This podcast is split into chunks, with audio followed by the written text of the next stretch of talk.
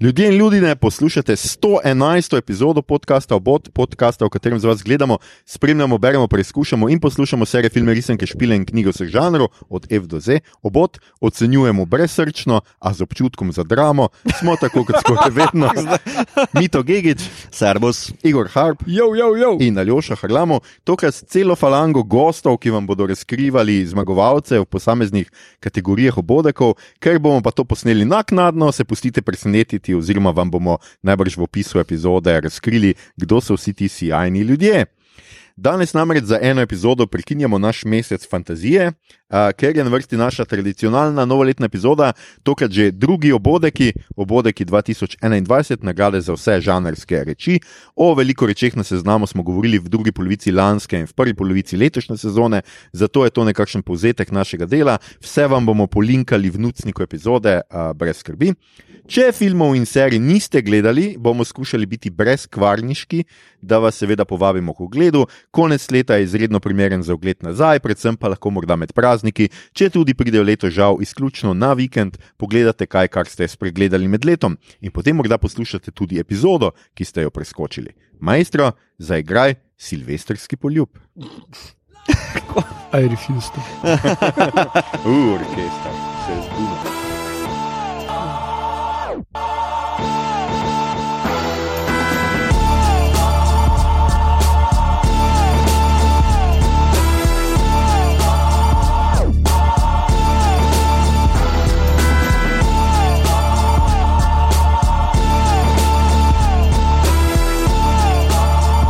zbudil. Ok, ok, ok, ok. okay. Obodeki so en tak pregled žanra uh, letošnjega leta. Če smem Igor, uh, ja. en uh, intermezzo, uh, kako kaj se ti danes zdi Lord of the Rings? Kaj te briga, Igor? Noč ne bomo danes, danes ne bomo govorili o erekcijah in tabletah. Da, tisti, ki ste prišli za to, imate full glasov uh, po raznih televizijah za te stvari, pa tudi Facebook vam da kakšnega porine. tako da imate tam stvari. Ne, danes govorimo o bodekih, uh, Igor. O Ok. bodeki, se spomniš? Okay. Skratka, komu grejo naše. Uh, Prav je res kao obode, ki se slišijo malo kot on uh, obroček za penisa. Veš. Tisti, O kao, moj za-. A ne, a ne, a ni? moj Jaz imam vedno asociacijo na odojek. Odojek, oj, ok, ti zbolj. Obo, a, obodek, odojek, ok. No, je, Zvočno je. Ja. je, Zdaj, ne. zdaj pa ne bom tega obročka za penis spravil ven z glave. Je res. šlo od Dureksa. no? Ja, se vem, Ja, se vem, ja. se vem, se vem. se vem. Kul, kul, kul, kul. kul. Uh, Skratka, obodeki začeli so se že uh, precej fantastično, precej znanstveno fantastično. Uh, letošnji. Um, Pač pregledali smo eno um, letošnji program, ali kako bi človek temu rekel, izbrali ene stvari, vam ponudili uh, v, v glasovanje, letos prvič tudi občinstvo. Skratka, šlo je nekako tako, da uh, glasovi, zmagovalec, ki ga je izbral občinstvo, je dobil tri glasove, takoj v štartu, potem pa je zasedala tudi strokovna, mislim, potem vmes pa smo pošiljali glasovnice tudi strokovni komis komisiji. Pižami, uh, Ani Jurc, um, Snetiju, uh, Simonu Popku, skratka, ful se vas je enih um, uh, odzvalo, jaz vam se vam zelo, zelo zahvaljujem za, za pomoč, za to, da ste X-e upisali noter in, in mi poslali. Uh, tudi Slavko Jerič je celo vsak glas označil za pač naslednjo številko, 1, 2, 3, 4, tako. Um, Slavko, pač vse vemo. Številke imaš rad, ugotovili smo, hvala ti. Uh, skratka, super ste glasovali, meni je bilo ful napeto, jaz mi je zelo žal, ker vi tega ne morete videti, ampak jaz sem danes dopoledne tole glasoval, malo tudi vmes imel eno paniko, ker sem nekaj narobe, pa sem mogel še enkrat, ampak vse, vsi glasovi so bili upoštevani, vse sem pregledal in um, lahko kar gremo na prve kategorije. Zdaj stvar bo potekala tako, ker bomo razglasitve naknadno nekako prosili naše goste, tudi mnoge od teh, ki so glasovali, da razglasijo stvari. Uh, bomo to v pozneje v postprodukciji zmontirali, tako da če bo mogoče malo čudno vse skupaj, ne vam ne bo, skratka, telefonirali vam bodo a, številni naši eh, bivši gostje, kakšen bodoči gost in vam a, seveda razkrili zmagovalce. Mi pa gremo lepo po vrsti. Prva kategorija je znanstveno-fantastični film. Tudi utopije, antiutopije in alternativne realnosti spadajo sem noter. Tle smo imeli konkurenco uh, Dune, peščeni planet, The Midnight Sky in neskončni dve minuti. Uh, fanta, kako ste glasovali, vidva? Mm, Dune. Uh, Dune. Ne mogoče. Ne mogoče. Jaz bom tukaj povedal, da je to ena od kategorij, ki je bila pač imela, ima absolutnega zmagovalca. Um, in jaz mislim, da na tej točki, uh, preden se. Ne, dajmo se prej pogovoriti. No, skratka, Mhm. um, zakaj Dune, zakaj ne recimo The Midnight Sky ali pa neskončni dve minuti? Uh, v bistvu, neskončni dve minuti se mi zdi genijalen film in upam, da, da bo navdihnil mnoge filmarje, ker pokaže, kaj vse je možno narediti s tem medijem. Uh, Midnight Sky mi je bil zelo uh, všeč. Uh, v bistvu sem potem ugotovil, da obstaja še en film, ki je točno eno leto kasneje prišel ven, uh, ki se mu reče Finch uh, in je ista scena, samo z Tomom Hanksom. Uh, in je tudi ok film, ampak uh, mislim, ni ne, nobene primerjave letos uh, v kinu, sploh bilo z Dunom, uh, čisti spektakel, krasen world building, uh, Timothy Chalamet, Rebeka, brada Oskarja Da, ja. Brada, Oskar. Uh, Mi tudi si tudi domnevam, da glasoval si za Ja, če ja. spomnil. Mislim, če primerjam izmed vseh treh, pa sicer uh, nisem gledal, jaz sicer uh, neskončni dve minuti. Groza, vem, ja, vem, moram to korigirati enkrat. Ja, le, Ampak, če pa Dune primerjam tudi že z lansko letnim, bi ga lahko zelo uh, dobro, visoko uvrstil, uh, ker je pač za moje pojme na vseh področjih, ki jih cenim. Predvsem na obrti, pa na vizualni ravni, pa na glasbeni ravni, to presežek ne samo letošnjega leta, ampak zadnjih par let, tako da za me nedvomno zmagovalec. No. Okay. Jaz bom na tej točki seveda zaprosil našega gosta, katerega koli že, ki smo mu uh, dali tole kategorijo, da seveda razglasi zmagovalca. Za obotke 2021 iz podcasta Filmflow uh, Ana Šturm in Maja Peharc razglasujeva zmagovalce v dveh kategorijah in sicer za znanstveno-fantastični film in znanstveno-fantastično serijo. Ana, take it away. Ja, nominiranci za znanstveno-fantastični film so Dune Peščeni planet, nobenih presenečenj tukaj, The Midnight Sky oziroma Polnočno nebo in pa film Neskončni dve minuti. In zmagovalec je, kako pa bi lahko bilo drugače, Dune Peščeni planet. Woo! God damn right. Uh, hvala, ja, seveda zmagovalec je Dune um, brez vsake konkurence. Pravzaprav je imel eno konkurenco, namreč Simon Popek, če sem si prav zapomnil, je glas podelil neskončnima dvema minutama. No? Tako da. Ja, vse, vsekakor je.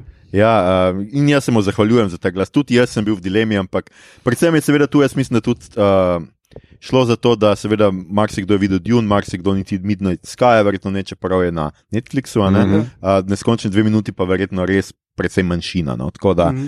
tle ni bilo kaj dosti dvoma. In smo že pri znanstveno-fantastični seriji. Uh, Seriozno.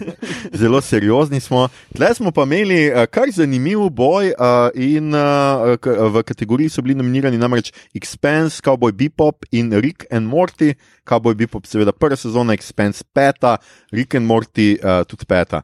Zdaj zanimivo se mi zdi predvsem zato, ker um, peta sezona Expense je bila uh, precej. Uh, Fina, posebej v primerjavi s četrto. No? Jaz Mhm, moram reči, da mhm. jaz mislim, da sem glasoval za Expense. Eh, Je pa res, da jaz Cowboy Bebop nisem še pogledal, ker uh, je bilo pač toliko nekih mešanih kritik, pa tudi ukinili so vse skupaj, tako da v resnici se mi nikamor ne mudi s tem. Sem pa um, tudi veliki dilemi bil za Rika in Mortija, ker se mi zdi, da zdaj ta peta sezona je bila zelo.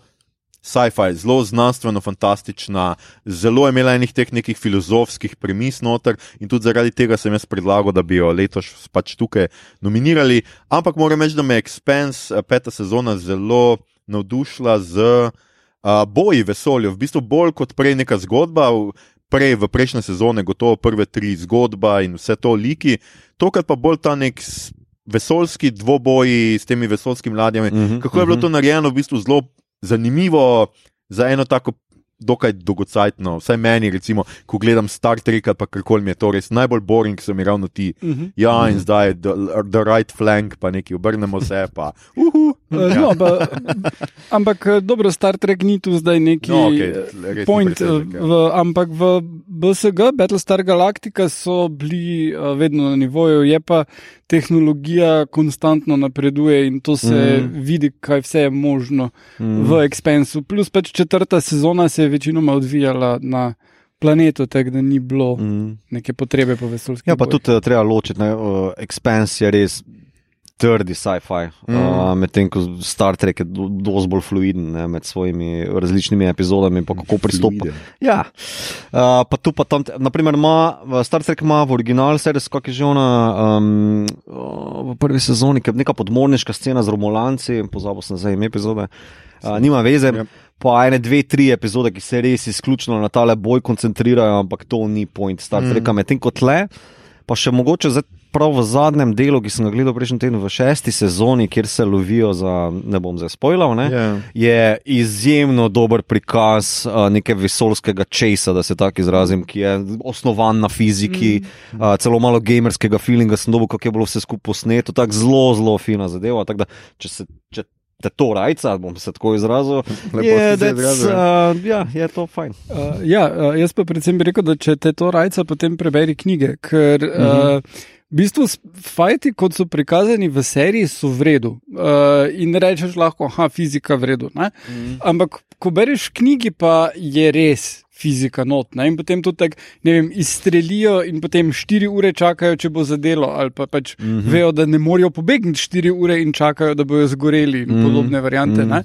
uh, zelo uh, še tole komponento dodano, ki. Uh, uh, ima eno resno moč in je povsem razumljivo, da je ne moreš zdaj stlačiti v, v ja, ja. vizualni medij, ker bi mm. bilo boring. Ja, ampak ima, naprimer, v peti sezoni, mislim, da je bila meni najbolj izmed teh, rečemo temu, vesolsko-sci-fi-ovskih zadev najbolj zanimiva, glih na omi, kako se trudi tam le za mhm. kisikom, mm -hmm. za vodo, kako mm -hmm. preskoči ladjo in te zadeve. Te so bile čisto osnovane, ne, rečemo teh zelo um, tesnobnih zadevah, ki jih verjamem v vesolju lahko doživiš. Ja, ja. To... Tisto, tisto je bilo fenomenalno. Ja. Uh, Meni ste sicer šla blazno na živce, uh, Filip in njegov fotor, ja. uh, A, Marko, Marko, pa Marko. Ja. Inares. Ja, uh, obupna igra. Uh, Res. Ja, in obupni pač cela. Cel ja, meni pa vedno bolj srce raste. Mislim, precej je bilo patetično, to je tudi menšlo, ja. precej na jedra, ampak po se je odolžilo točno s takimi. Mm, Letos pa sta mi oba, v bistvu, malo ja. manj. Nezanimivo. No? Se ne snimamo, zelo expensive. Ja, ja, okay. uh, no, uh, jaz bi samo še ja. omenil, zakaj nisem dal, ker sem tudi za expensive glasoval, zakaj nisem dal Riku in Mortiju, ki mi je bila tudi šest sezone. Uh, pa je samo ena taka mala fora, ampak bom tako rekel, meta joki.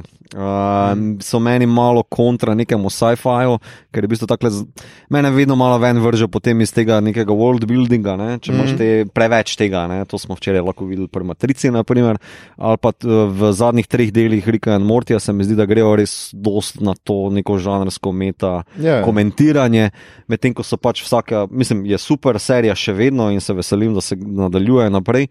Uh, je pa mogoče tale zadeva na pram expense, me, me malo ven vrže. Yeah. Okay. Uh, jaz sem za Cowboy Bebop uh, glasoval, mm -hmm. ker uh, kljub temu, da sem nad prvim delom bil ful razočaran, uh, se pol zadeva ful vredno spostavi, super liki so zabavni uh, in cel ta svet ki zdaj ni nek hard sci-fi, imaš določene elemente, to deluje tako, ampak potem pa ne vem, se na enem planetu vozijo ljudje z uh, avti iz 50-ih, pa jazz poslušajo vsi. Ja, pa, absolutno. Pač, ja. A to kaj čudnega. Ja, in potem grejo v vesoljsko ladjo in letijo.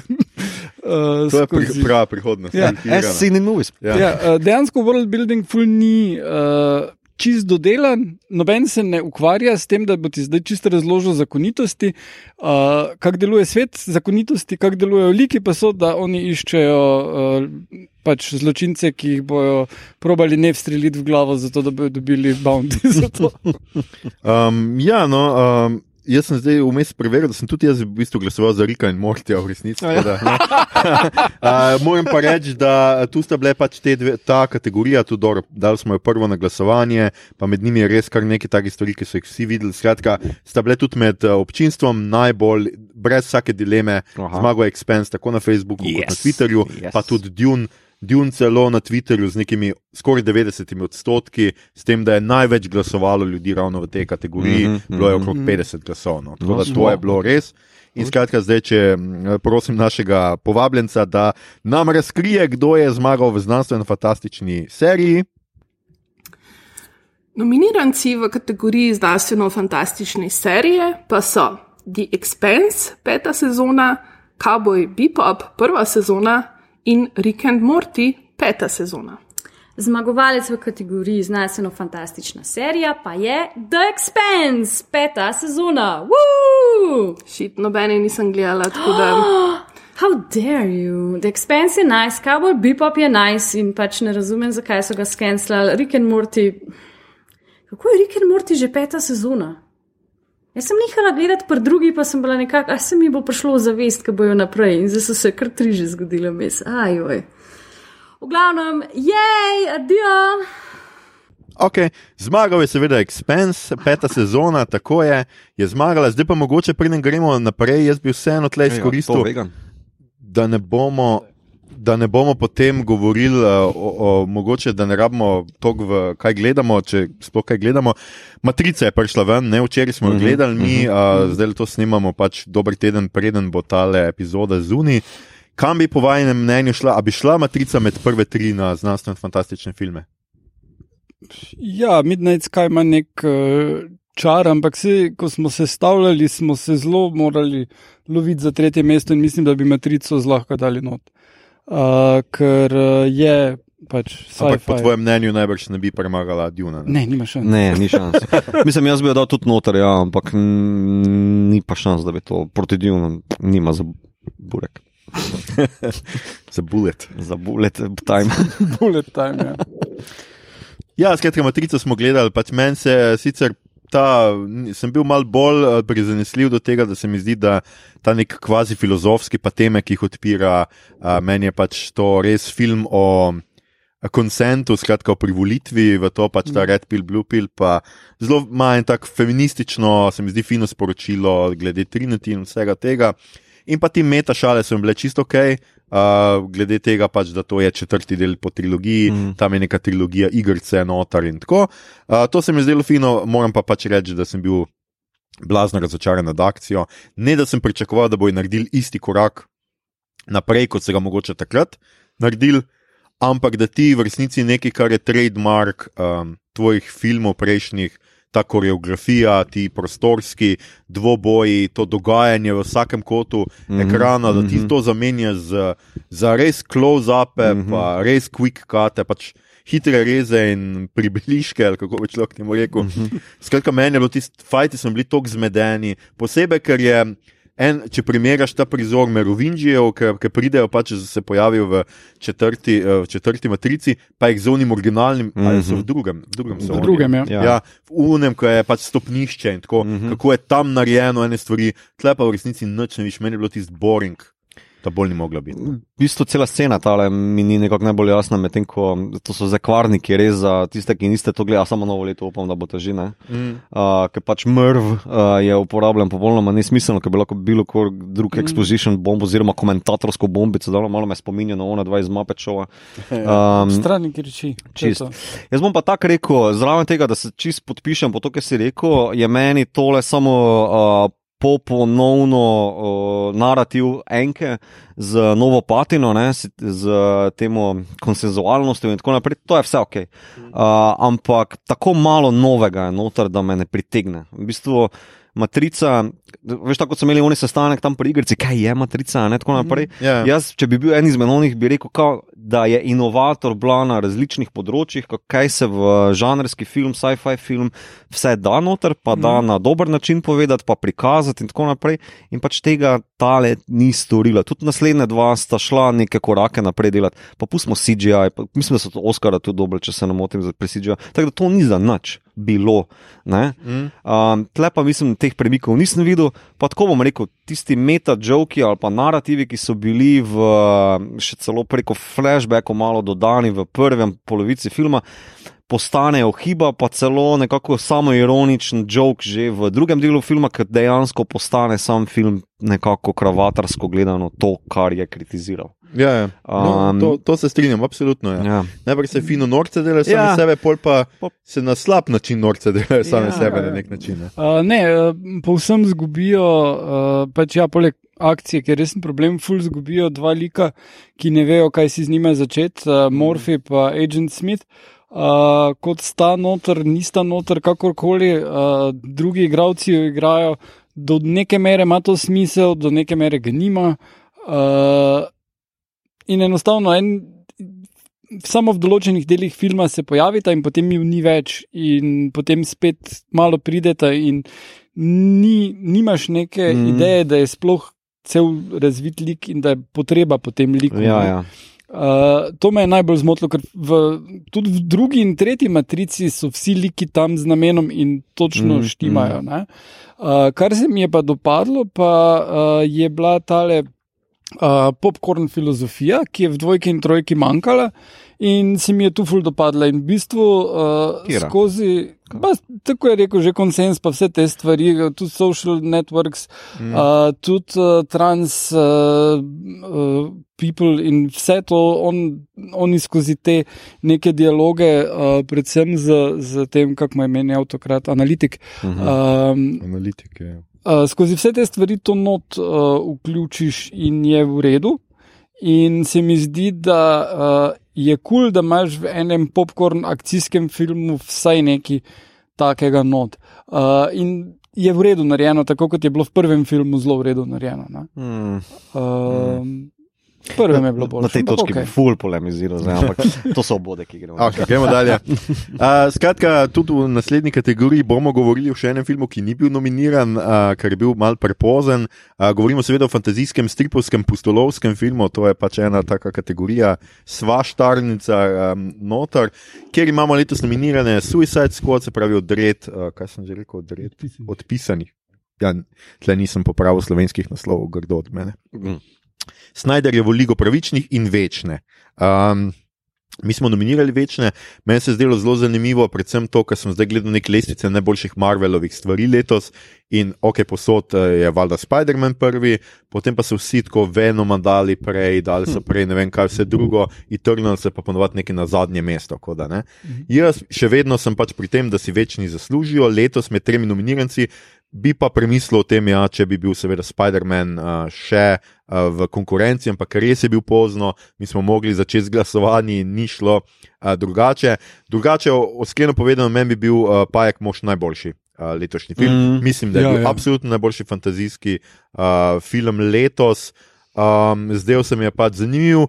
Tudi je imel podobno kot Matrica, se mislim, da se je v redu lotil nostalgije in ja. vsega tega, tukaj pač z zdaj pa kvarniki, za tiste, ki pač malce zatisnite v šesa, za kakšno minuto, skratka s prihodom obema, obe, obeh prejšnjih, mm. uh, pajek možev. Akcijsko sicer noben presežek, bi jaz rekel, no, se mi zdi tako, ampak pač te neke dramatični, tragični momenti uh, so bili zelo v redu, izpeljani pa humor, jaz mislim, da ima Spider-Man mm -hmm. najboljšo, pa najboljšo kombinacijo, v resnici se mi zdi, da Sonju pa Marvelu pri Spider-Manu najbolj uspeva ta malo skakanje, no, da je malo komedija, malo akcija, pa tako, ker marsikaj zvenijo zelo gluhi in prehitro menjajo te stvari. Tukaj se mi zdi pa, da je ravno.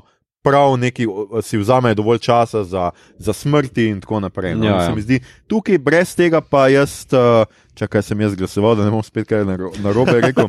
Ja, Suicide Squad, skratka, od, odred odpisanih. Tudi ta je bil čist ganovski meta, zanimiv. Snajder Liga pravičnih se mi je zdela sicer zelo v redu, ampak jaz res le ne vem, kaj ne naredim pri takem filmu, ki mi je res tako pač, jaz, boljši je od Une, dober je, ampak pač dolg je, pač to ni več film za me. To je meni reži na meji, na meji. Ne vem, prebavljivega, bi rekel. No? Uh mhm. -huh. Skratka, to je res neka serija, miniserija, nekaj takega. Pač zaradi tega se mi zdi tako, pa hkrati, kljub temu, da si imel, ne vem, dve, še dve uri, še en dodaten film, v resnici Cajta, še vedno pač ene stvari so pač tako pač tipično DC-evske in smešne.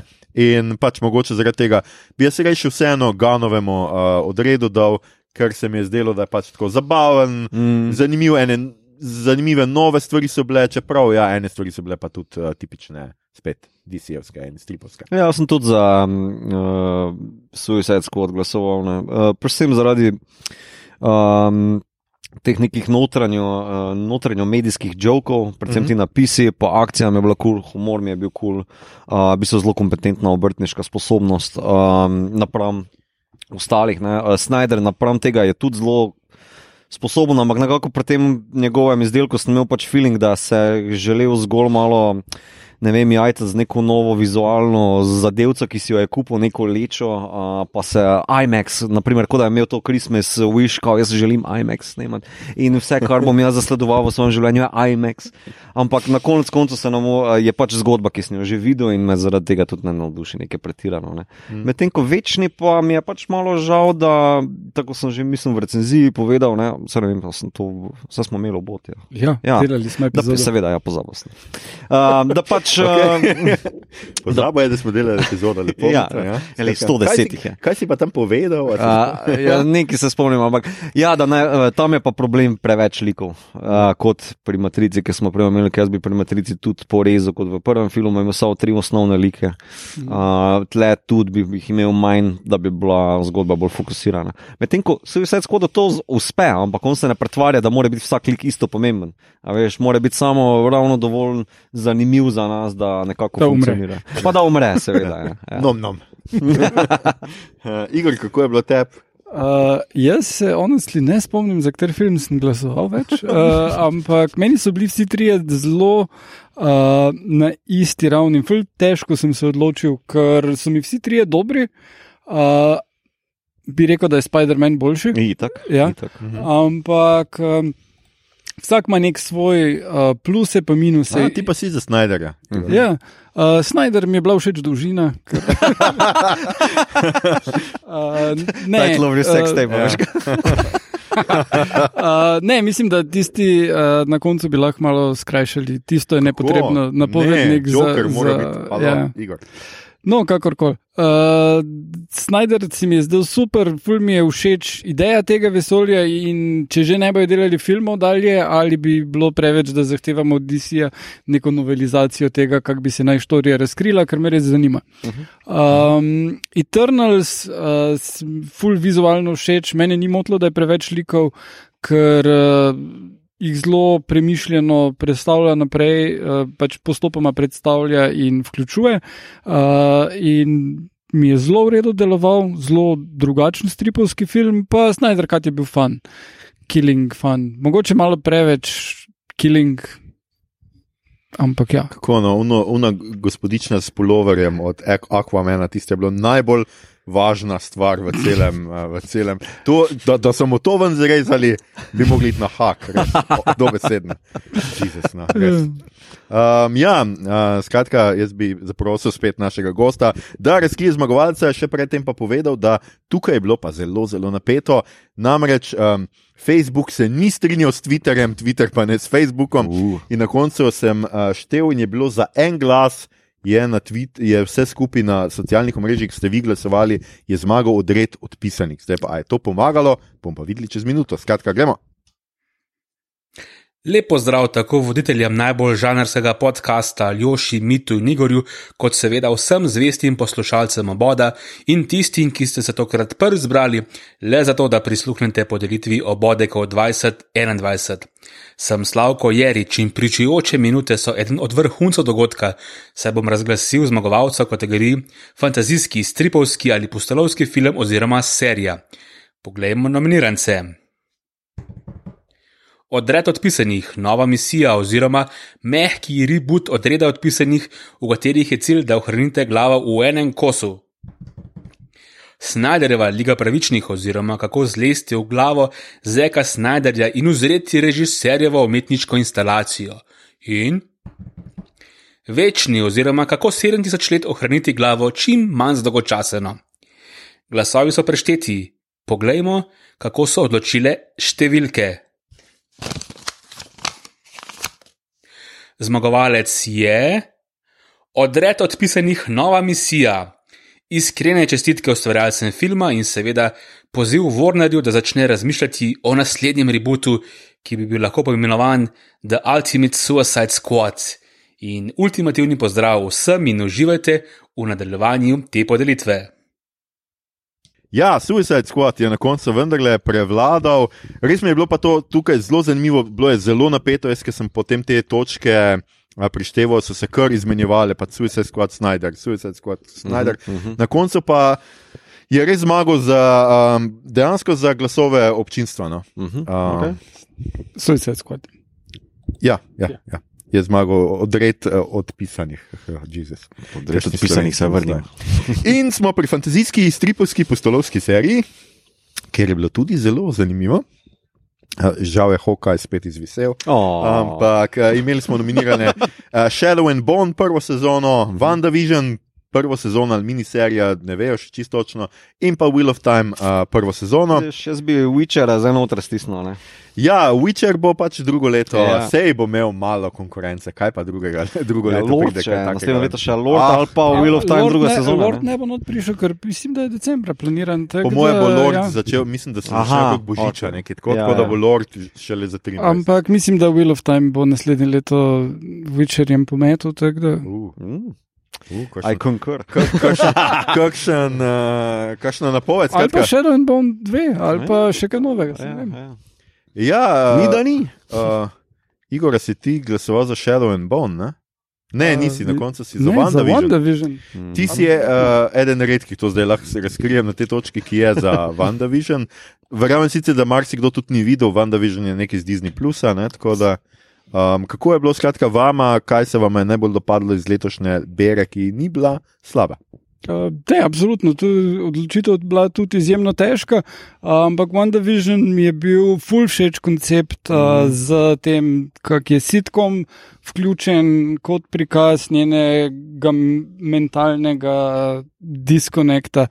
Um, in uh, to je tema, ki, uh, mislim, to je pristop, ki ga zadnji čas uporablja več um, serij uh, med drugim Kevin Can Go Fuck Himself na Amazonu, ki ful priporočam, pa uh, Crazy Ex-Girlfriend, ki je na Netflixu.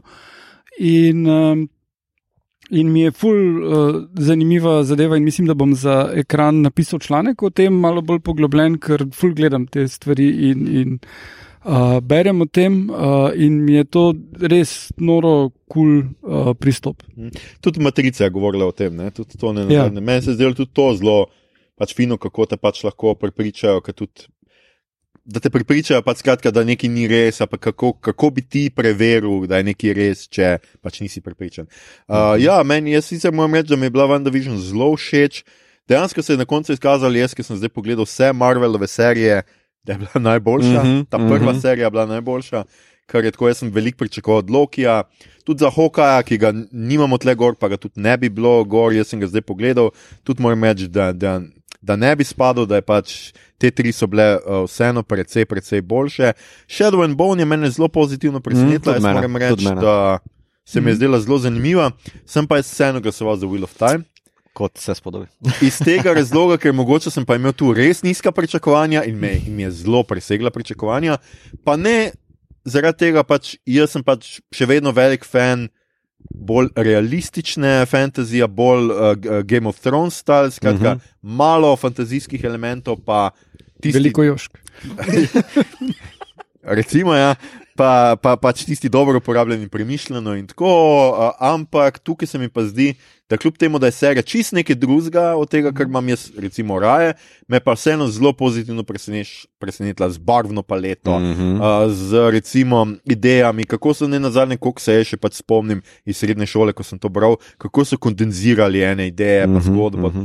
Skratka, mene je zelo pozitivno presenetila, fina mi je, tako da jaz sem glasoval za Wheel of Time. Mito? Tudi Wheel of Time in itak podpišemo vse, kar ste povedali, tudi o ostalih serijah eh, in v Wheel of Time, s tem, da pač jaz bom tukaj, jaz sem brezsramno pristranski uh, za Wheel of Time. Um, vse, kar spovedal, tudi za me drži, uh, pa to še bom dodal, da je.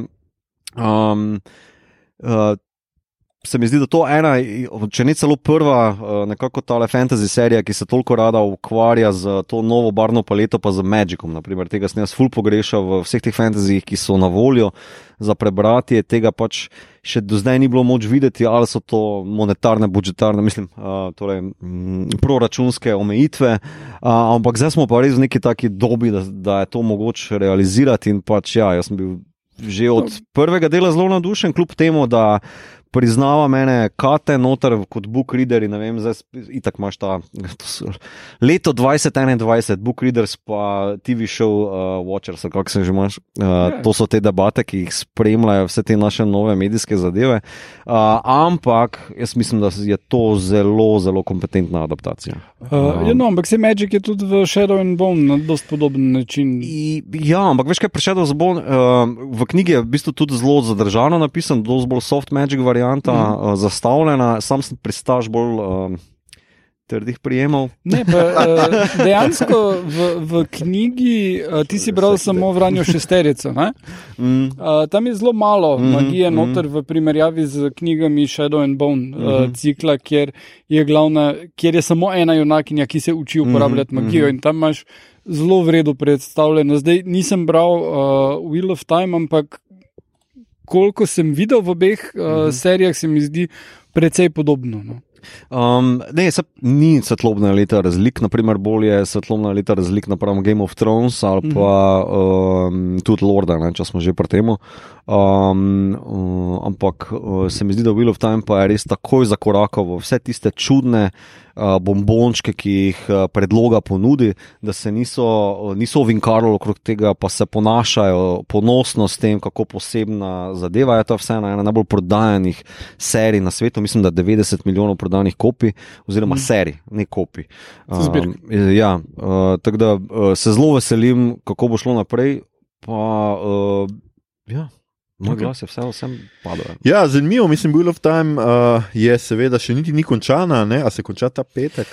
Ta petek je. Ta petek, skratka, bomo videli, kako je to škodilo ali pa pomagalo. Skratka, dragi naš gost, uh, razglasi zmagovalca. In to je razglasitev najboljše fantazijsko-stripovsko pustolovske serije. In zmagovalec je, odpiramo kuverte. Neznosno pričakovanje, napeto. In zmagovalec je Wheel of Time, kolo časa, ki se je zakotalilo naravnost čez konkurenco. Hvala lepa in nasvidenje. Ja, uh, Wheel of Time je dobil tudi uh, občinstvo. To moram uh -huh. reči, na, tako na Facebookih kot na Twitterjih uh -huh. je, je občinstvo bilo uh, absolutno samo za, bolj ali manj samo za Wheel of Time. Tako da uh, se mi zdi to sjajno, da toliko ljudi uh, gleda te reči. Mi gremo pa kar dalje, da vas ne ustavljamo, pa da slišite še koga drugega poleg nas. To, Tako da jaz verjamem, da smo vam pripravili odlične goste in da odlično prezentirajo uh, zmagovalce. Gremo na akcijski uh, film, vojni film, western, še ena taka kategorija, ker je zmetano noter vse, kar ne vemo, kam bi drugam dali. Letos smo nominirali uh, Ni čas za smrt, se pravi novega Jamesa Bonda, Jezdece pravice in hitre in drzne devet. Um, jaz sem te tle glasoval na koncu vseeno za Bonda, recimo. Mhm, tudi jaz. Meni se je zdelo, da mislim, jezdeci pravice so mi bili čisto v redu in uh, zanimivi, in pač seveda so neka drama, mešanca akcije, pač ni samo brezmiselna akcija ali kakorkoli že. Ampak po drugi strani se mi je vseeno zdelo, da se ene stvari dokaj na prvo žogo, da si v začetku vedel, kaj se bo zgodilo, kako se bo razpletlo. In je z tega tudi bilo precej bolj. Bolj predvidljiv, ne na zadnje, kot pa recimo Bond. Uh, če tudi je Mito, ne vem, na pol filma uganil, kako se bo končalo, in mi to povedal, hvala Mito. A, Uh, um, se mi je zdel pa Bond, da je bil tokrat končno uh, dobro akcijsko posnet Bond. Mm Mhm. -hmm. Meni so bile jaz ga, zdaj ga bom po mojem čez praznike še enkrat pogledal, meni so bili finiti preganjanje, preganjanje posebej z motorjem, punem Pa, italijanskem pa mestu. hodnik. Pa hodnik, ja, Ja. tisti Ej, pretep. Za, džipi. Jaz bom prav dal eno pravilo za te obodeke v naslednji. Če ni enega long kata, uh, hallway scene fighta, razumeš, ni, ne gre na uh, akcijski spisek. Okay, bo, bomo to pazili. In pol skratka. ponovno nominiramo Marvel Defenders med serijo. Ja, ja, ga ima kar. Oldboy. Hitre in drzne devet pa pač nisem gledal, ker sem gledal samo eno. Šokiran sem. Res, pogledal si enko. Ja, In nisi sem avtomatsko gledal. hotel vseh ostalih Ja, pogledati? nisem Ne, zdaj. je dobo cringe oziroma craving za CD. Tako da, skratka, nisem tega pogledal, pa tudi po moje, če bi pogledal. Dobro, no, ne, vem, ne bom govoril, ker nisem gledal. Skratka, uh, Igor, A gre kateri drugi akcijski film tu iz tega seznama v vesolje? um, Um, uh, Igor, ti si glasoval, mislim, da za jezdece pravice. Tako da povej, Ja. ja. kaj o tem. Uh, absolutno, mislim, gledaj, evropski film je, da ti biti malo lokal patrioti. Ah, Um, come on. To, ko jebe meritokracija. Uh, poleg tega, kot uh, fan evropskih uh, filmov, jaz nisem pričakoval konca. Jaz sem dejansko pričakoval, da bodo vsi umrli. Uh, in um, uh, pač zdaj, spoiler. Ja, v hitrih in drznih. Ne. uh, v hitrih in drznih nihče ne umre. Uh, Medtem ko uh, no, in, in me dejansko pozitivno presenetil in me razveselil, da čim prej Bondu sem pričakoval en bolj temačen twist na koncu, ki me je razočaral, ker ga ni bilo, uh, ki bi bilo ful boljš. Uh, zdaj ne vem, ne vem spojlo, ker nisem predsednik države, ampak uh, ful, bi bilo, ful bi lahko bil tale O, kaj pa, če bi mali Borota zajeben. Prosili, da razglasi to kategorijo. a? Odlično, zihar ima dovolj časa. Ne, da ne, je- sorry, veto, veto. Uh, kaj pa če prosimo, kjerega imitatorja? A ja, o, daj, kot okay. Borot. Slakonja, recimo. Okay, kako naj do slakonje pridemo? okay, okay, okay, bomo, skratka, pustite se presenetiti. Uh, skratka, ti si bil vseeno bolj za jezdece. Ja, ja, ja, definitivno. Mislim, ima ful več maca Miklesena. Uh, to, uh, Bond, ja, tale vsaj. ja, ja. Uh, mislim, da čim Kazino Royal je imel zelo vredno mero maca Kaj, Miklesena. če bi bil Casino Royale tle, Ja, ja, nominiranci, bi pa že premislil. Ja, Kazino Royal mi je bil najljubši. Ampak kako, zakaj pa pol hitri in drzni devet, kjer je ni bilo res tudi spet nič maca Mikkelsena? Jaz mislim, Čeprav, da ne bi on bil v devetki, a ne bi bil on super za hitri in drzne. Ja, Zakaj ga še ni bilo tam? Ne vem. Ne vem. Mac, če nas, vem, da nas poslušaš, skratka, zakaj nisi v hitrih in drznih, v desetki bodi, no? Ja, to mu moraš danščini povedati. Ne. Okay. Mi to ti si tudi bil za bolj za Bonda. ne? Ja, Bond, Bond. Uh, mislim, da uh, všeč mi je bil nov pristop do Bonda, ta neka družinski zasuk uh, na Bondovsko zgodbo, pa tudi konec je mene. Uh, mislim, vesel sem, da sem ga ugotovil, uh, zato mi je malo bliže srcu. Priznam pa, da nisem ostalih dveh pogledal, tako da sem zelo pristranski. Zelo pristranski. Ja. Skratka, prosimo, Borod, da razglasiš uh, nominiran uh, zmagovalca v uh, kategoriji akcijski vojni film Western. Drage poslušalke, cenjeni poslušalci, moje ime je Jure Godler in tu sem, da razglasim zmagovalca v kategoriji akcijski, vojni ali western film 2021. In nominiranci so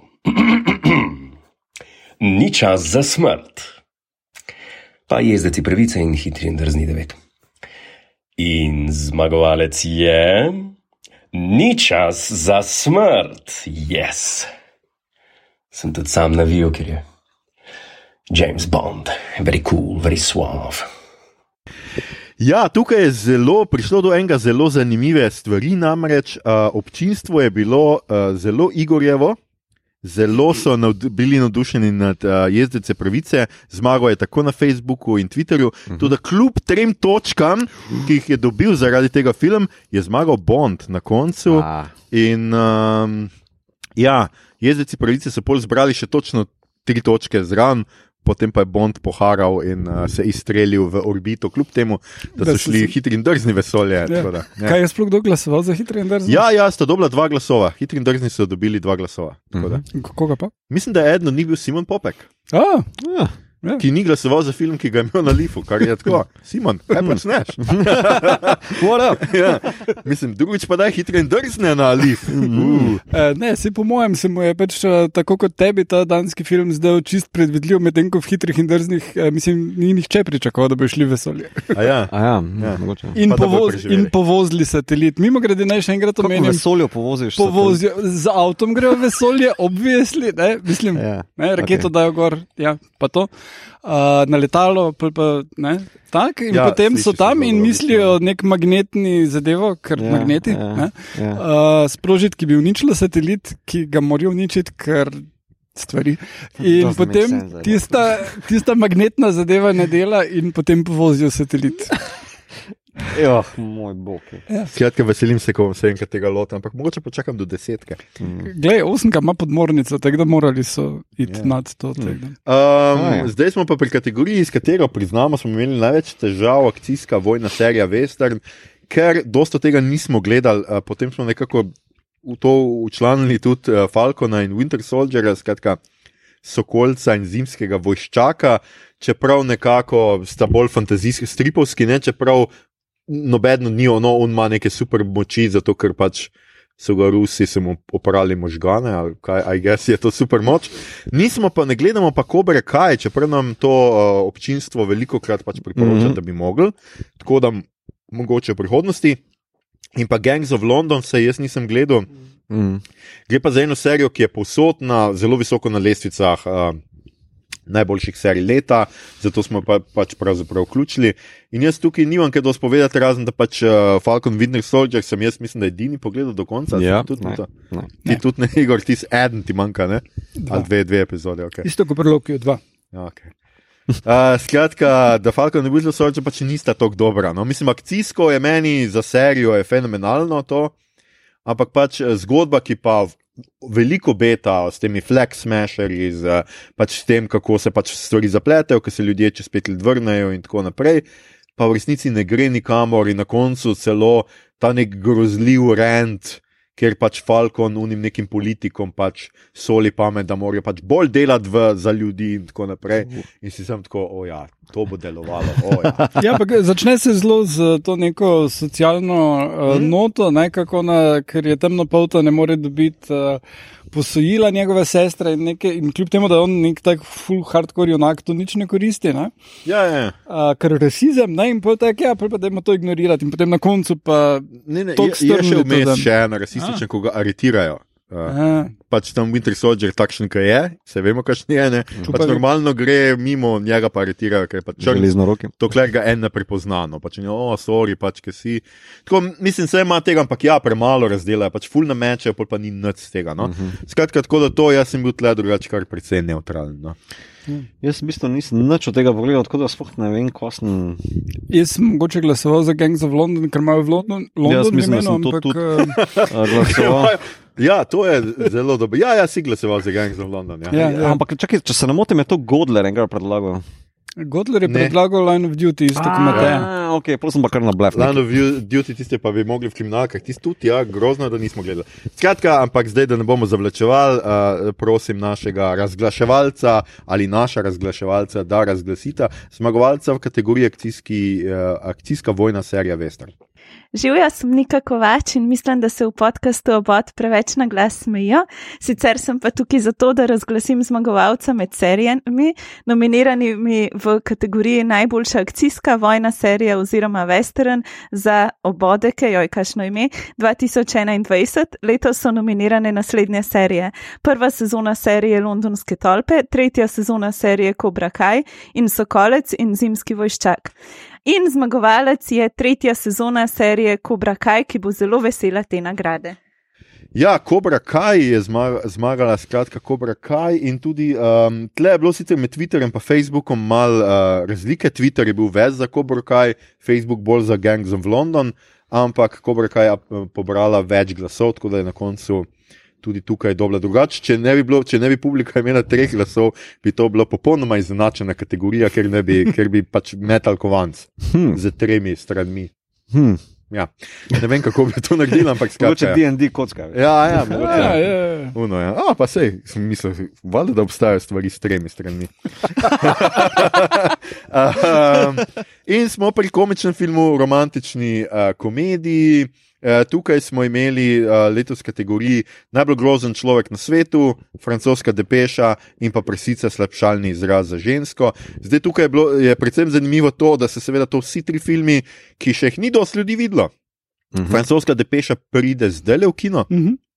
Mislim, da naslednji teden, celo pre, ne, v januarju. Ne? Uh, pač ja, novoletna projekcija bo v kinu dvoru in potem takoj začetku januarja štarta bila je pa na Lifu. Mm Mhm. -hmm. Mislim, da imam vsi, ki so hoteli videti ta film, so ga videli na Lifu lahko. No, no, no, več ljudi hoče videti. Jaz ga Mislim, bil je online na Ker voljo. ne tako hodim da ja. tako, kot mi to na te predpremiere. Vem, ampak eh, ljudje, ki so obsedeni z Wesom Andersonom, so ga vsi videli in okay. so vsi glasovali. To pa res. Ja, evo. Priznam, da nisem. Priznam, da sem tako glasoval.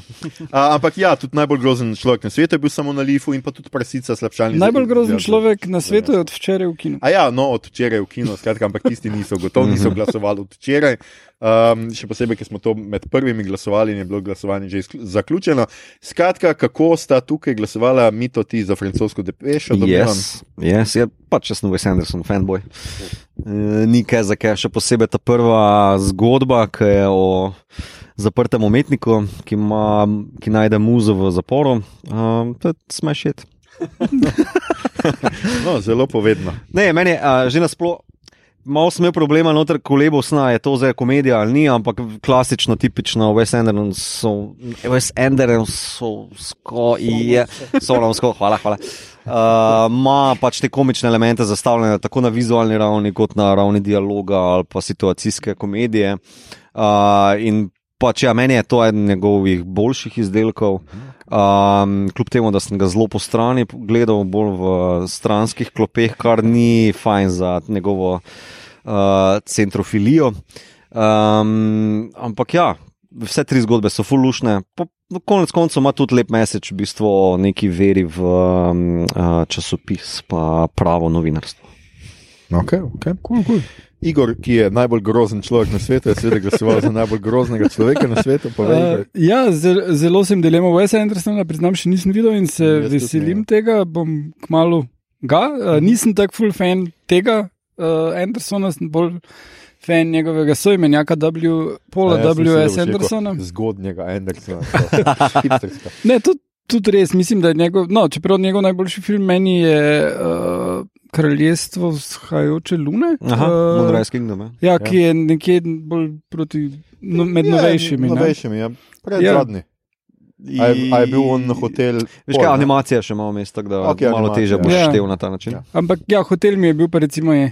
A res, Tako da- tudi meni ja. je bil hotel boring. Ja. Ja. Oh, man. Ja, meni se zdi tako bro- boring, prazen in pač instagramovski, da bolj ne mogo biti. Ja. Ja. Videla sta kar malo plitka, veš. Uh, skratka, Igor nadaljuje, ja, prosim, pusto. Uh, Uh, no, presica mi je tudi bil blazno, blazno všeč film. Uh, in, uh, Daj, je mogel to nucati. pač tak je naslov filma, da ne bi tako otročil. No. Uh, no, in potem pač, ker sem pisal tudi uh, za vikend, uh, ki bo objavljeno že zdaj, uh, jutri. Kot To snemamo. Uh, sem tam dal obratno, kot tam sem dal presico za uh, slabšalni izraz za žensko, za uh, top film in uh, zraven omenil tudi najbolj grozen človek na svetu. Uh, to mi je bil pač preprosto krasen film. Mislim, da, da zelo lepo povzame to mlado generacijo, tako kot je uh, povzel uh, recimo Before Sunrise ali pa 500 dni Summer ali pa en kup te, ko so take komedije, ki so res generacijske in uh, tudi če nisi član te generacije, lahko razumeš uh, in, in mislim, preprosto perfekt je in mislim, da pač bi vsi morali videti ta film in bi bili pol boljši ljudje. oh, Okay, lepo. Um, ja, jaz sem uh, pač tudi francoske depeše nisem gledal, sem gledal sem ta dva. Najbolj grozen človek na svetu mi je bil eden najljubših uh, filmov na letošnjem Lifu, prav tako pa Presica, slabšalni izraz za žensko. Na koncu sem vseeno v dilemi uh, podelil pač svoj glas uh, slovenskemu filmu, ne zaradi. Ne samo zaradi Lokalpatriotsko. slovenske lokalpatriotskosti, ampak se mi je zdelo pač res, da me tok presenetil, pa tok mi je bil fin, pa tok se mi je zdelo vse, da je štimalo od igre do zgodbe, do vsega. No, tako da sem potem glasoval za, za, za presico. Mislim, da smo pa v obeh že tudi dosti povedali, tako da ne bi uh, tle dolgovezli, ne bi zavlačeval, ampak bom kar prosil. Uh, Prezenterje, da prezentirajo uh, zmagovalca ali zmagovalko, ali kako naj temu rečem. Skratka, gremo. Ah, romantične komedije. To je žanr, ki me je naučil, da je novinarstvo ne samo daleč najpogostejši poklic za ženske, ampak tudi tisti poklic, kjer se ti moški tako rekoč mečejo pod noge. No. Upam, da ste v tem drugem letu kuge dobili svojo dozo poljubov v dežju, tekov skozi nagužvana letališča in pa dejtov na Empire State Buildingu, vsaj v filmih, če ne drugače. Skratka, nominiranci za obodeka za najboljši komični film oziroma romantično komedijo so Najbolj grozen človek na svetu v režiji Joachima Trierja, francoska depeša v režiji Vesa Andersona, presica slabšalni izraz za žensko v režiji Tijane Zinejč. In obodeka dobi. Presica slabšalni izraz za žensko. Wow, čestitam! In uh, ja, tukaj je tudi bilo zelo zanimivo, uh, občinstvo je bilo razdeljeno. Na Twitterju, na Twitterju je prsica pobrala največ glasov, na uh, Facebooku pa najslabši človek, uh, najbolj grozen uh, človek na svetu. Na koncu je glasove občinstva dobila presica slabšalni izred za žensko, mislim, da za en glas uh -huh. ali nekaj takega. A, ampak tudi, če ne bi, bi vseeno pač uh, bila zmagovalka te kategorije. Tako da um, uh, slovenski film letos spet uh, med zmagovalci, kar je tudi, jaz mislim, da zelo, zelo lepo. Um, in gremo v komični seriji ali pa romantični komediji. Tukaj je bilo tudi kar zanimivi boji med drugo sezono Teda Lasa, enajsto sezono Kirby Your Enthusiasm in osmo zadnjo sezono Brooklyn uh, 99.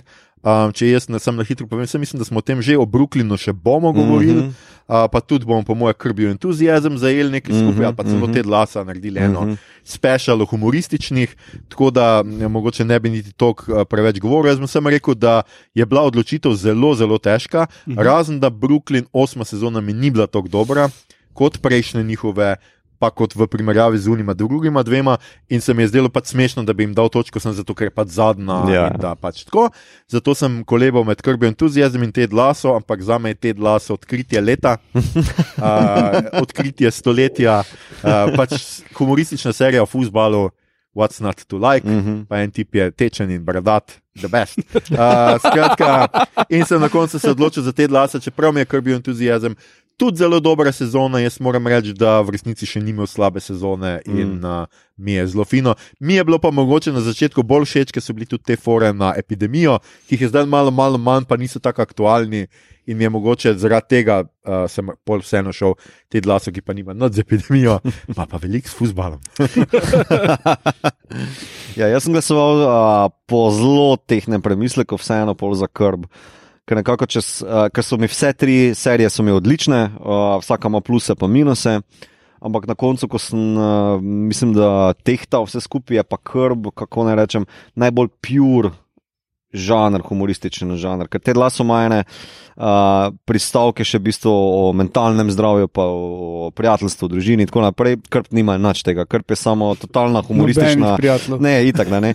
Humoristična razpaljotka, cinična na cajte in v bistvu jaz imam zelo rad ciničen humor, ja. tak, uh, ja, zato sem njemu podelil. No. Zgolj na tej podlagi, drugače pa še enkrat ponavljam, to so vse tri odlične uh, mhm. serije. No. Mhm. Uh, meni je bilo ful všeč, kako se je Brooklyn poslovil.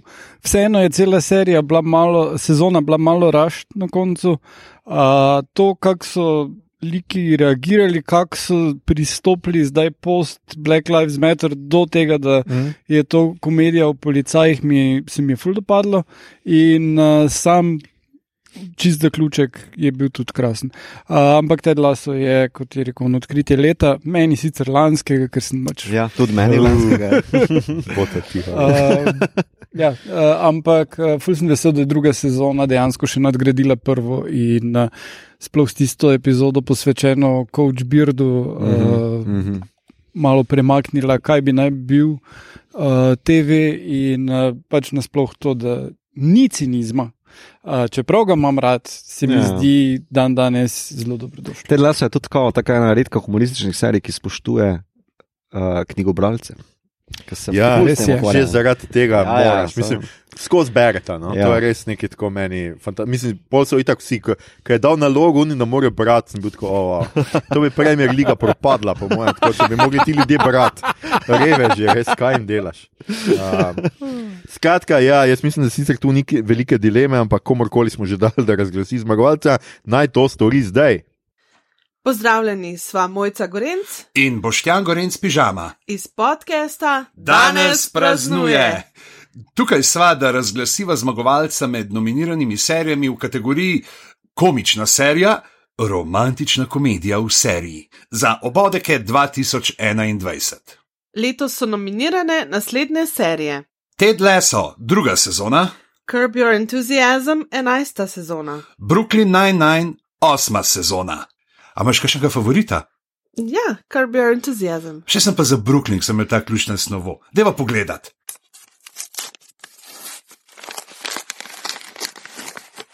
in, in danes praznuje Ted Lasso, druga sezona. Oh, oh, oh.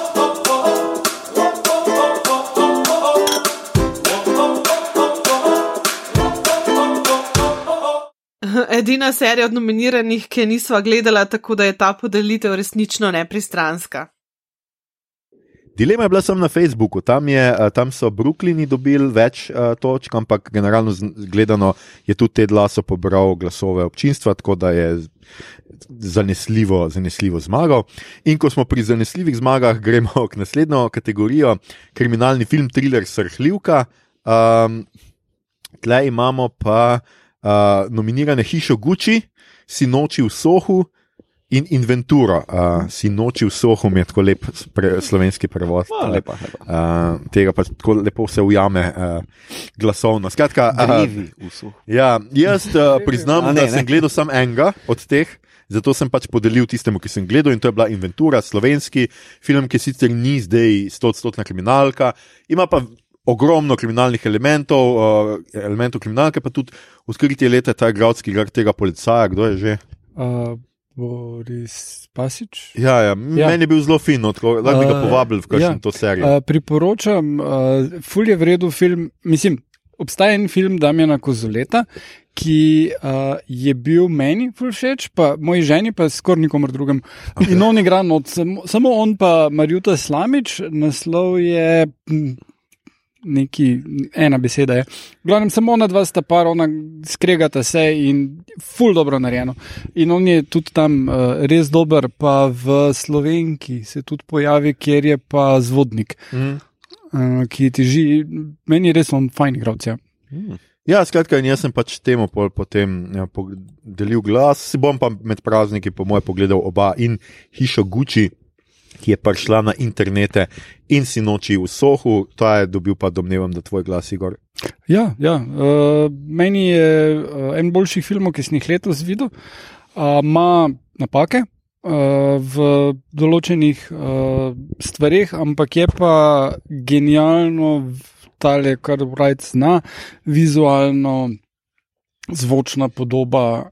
Ki, jaz sem to gledal v kinu in so srhljive scene, kjer pač imaš tole surround občutek, da so ljudje za tabo, ki ti bojo nekaj naredili. In, ja. To imam jaz vedno v kinu, ampak posebej včeraj, recimo pri Matrici, tam na začetku, ko so oni Oh, bili bili, ja. nadležni, ampak Okej, bili hvala Bogu tiho. Ja. Uh, ja, skratka. Uh, ful je vredno, mislim, inventura mi je bila briljant, House of Gucci, slišal sem same lepe stvari o Lady Gaga in njenem na glasu, uh, ampak eh, še žal nisem videl. Uh, inventura, mislim, malo težko sem se odločil, ampak ona je res toliko uh, rajtovski presežek, kot je bil uh, tudi, uh, ne vem, Pilgrim na nek način. Ne? Uh -huh. Tako da, ja, to. Mito. Jaz nisem nič od tega gledal, ampak dal sem pa glas vseeno si noči v sohu, ker pač Edgar Wright. Tako da tu sem šel na slepo zaupanje, da je to vredno. No, boš, boš povedal, ko boš pogledal, če Seveda. pravilno slepo zaupal. Mm -hmm. Zdaj pa prosimo razglaševalca, da razglasi zmagovalca v tej kategoriji. Živijo sem Nika in mislim, da je Igor najbolj prijazen član podcasta Obot. Nisem pozabila, da ima rad blondinko z Harvarda. Tukaj pa sem, da razglasim zmagovalca med filmi, nominiranimi v kategoriji najboljša kriminalka, srhljivka za obodeke. Obodeke ime sem že komentirala leta 2021. Letos so nominirani naslednji filmi: Hiša Gucci, Sinoči v Sohu in Inventura. Noč ne čutim do nobenega od teh filmov, zmagal pa je kriminalka, srhljivka, sinoči v sohu. Ja, si noči v Sohu brez vsakega problema. Um, I win again. Na Facebooku, Twitterju, kot tukaj. Uh, ampak zdaj gremo v podkategorijo tole med kriminalni uh, uh, thriller srhljiv, srhljivko serijo, kjer pa je bil absolutni, absolutni zmagovalec. Uh, namreč samo ena od uh, uh, nominiranih so bile Mary Zistavna, I'll Be Gone in the Dark in primer inšpektora Vrenka. In I'll Be Gone in the Dark je dobo edini še točko in to je Igorjeva točka. Ja. Tako je, sicer pa pač tukaj se mislim, da vsi vemo, kdo je dobil, da je to Mar Mary Zistavna, ki je bila ena najbolj govorjenih, debatiranih serij, tako da se prečujem razglaševalcu, ki sem že razbil to skrivnost. Je pa dajmo kar zdaj razglaševalca, pa bomo še malo podobati. Ok, pa dajmo tako. Zdravo, jaz sem Anže in sem tukaj, da razglasim zmagovalca med filmi oziroma serijami v kategoriji kriminalna slash srhljiva serija. Uh, in nominirani so Mary Zistavna, I'll Be Gone in the Dark, pa primeri inšpektorja Vrenka. ne vem, zakaj je to smešen svet. A, in uh, zmagovalec je Merzi Stavda, nekaj, kar jaz nisem gledal. Tako da lepo, da lahko dam nagrado. Evo, čau. Ja, Mary Zistavna je tista, ki vas je navdušila, res. Tudi uh, po glasovanjih je to bila ena najbolj glasovanih kategorij, uh, kar smo jih imeli, in pač pobrala je vse glasove, razen Igorjevega. Igor, uh, prosim za pojasnilo v treh izvodih. A Ja, vzela me bo noč, uh, kot, oziroma I'll be gone in the dark, kot ti vztrajaš. Uh, je uh, full vredu serija uh, in uh, bom rekel tako, nedavno sem gostoval v enem drugem podkastu, uh, odbita do bita. Ja. In uh, Anže se strinja z mano, tako da. Ja, ni pa glasoval, ni pa, mislim, da v tej kategoriji sploh, ali pa je glasoval za Mero Vistan. Je tudi možno, ampak Ja. ja. uh, glej, ful je dobra serija. Meni mi je bila briljantna, ampak se mi je zdelo, da je bilo fajn, da kdo še nameni glas čemu drugemu in izpostavi uh, kako, kako drugo zadevo. In to je. je Ful je dobro narejeno, si mislim, da sem že parkrat omenil na tem podkastu tudi uh, fokus. To je true crime zadeva, dokumentarec in fokus uh, je na žrtvah. Ni, lo, nimaš toliko fokusa na tem, kako je briljantna ta ženska, ki je ugotovila, ki je ugotavljala, kdo je morilec, kako so fenomenalne metode uporabili preiskovalci, ki so ga našli.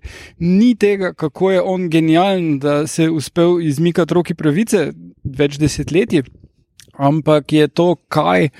Uh, vdor v stanovanje in posilstvo in umor naredijo ljudem in njihovi družini, in je nekaj, kar te lahko res ono, te iztrga srce in ti ga zmečka, in pomisliš, fuk, grem zakleniti. Uh, in, in mogoče še en stol tam nastaviti pred vrata in pred vsako okno, in uh, uh, si full vesel, da živiš v nekem varnem kraju.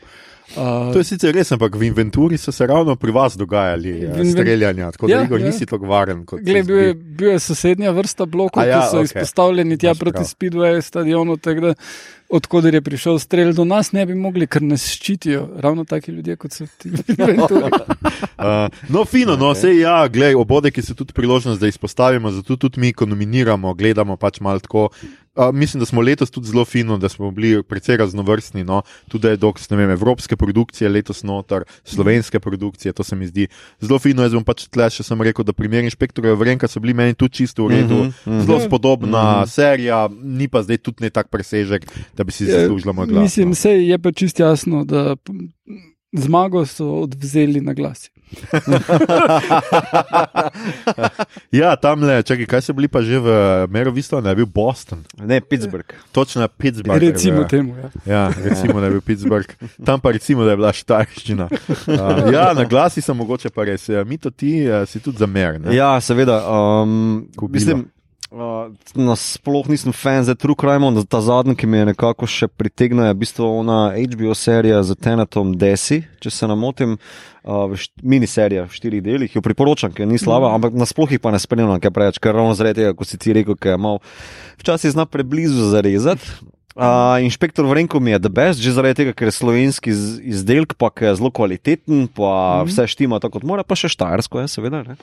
Uh, ampak se pa vs, uh, seveda skrije pred kompleksnostjo in kvaliteto, uh, kako smo že prevedli, kubile iz vzhodnjo mesta. Samo ti. Samo jaz. Ja. uh, pač ja, ne, tamle pa je meni, vse meni, no, uh, kot nerednemu spremljevalcu kriminalnih žanrov, uh, vse zelo padlo skupaj kot Tetris. Uh, tisti Kot dober Tetris, Tetris. veš, v drugem, tretjem levelu. Ne, onem. Kako ateki na mame. Ja,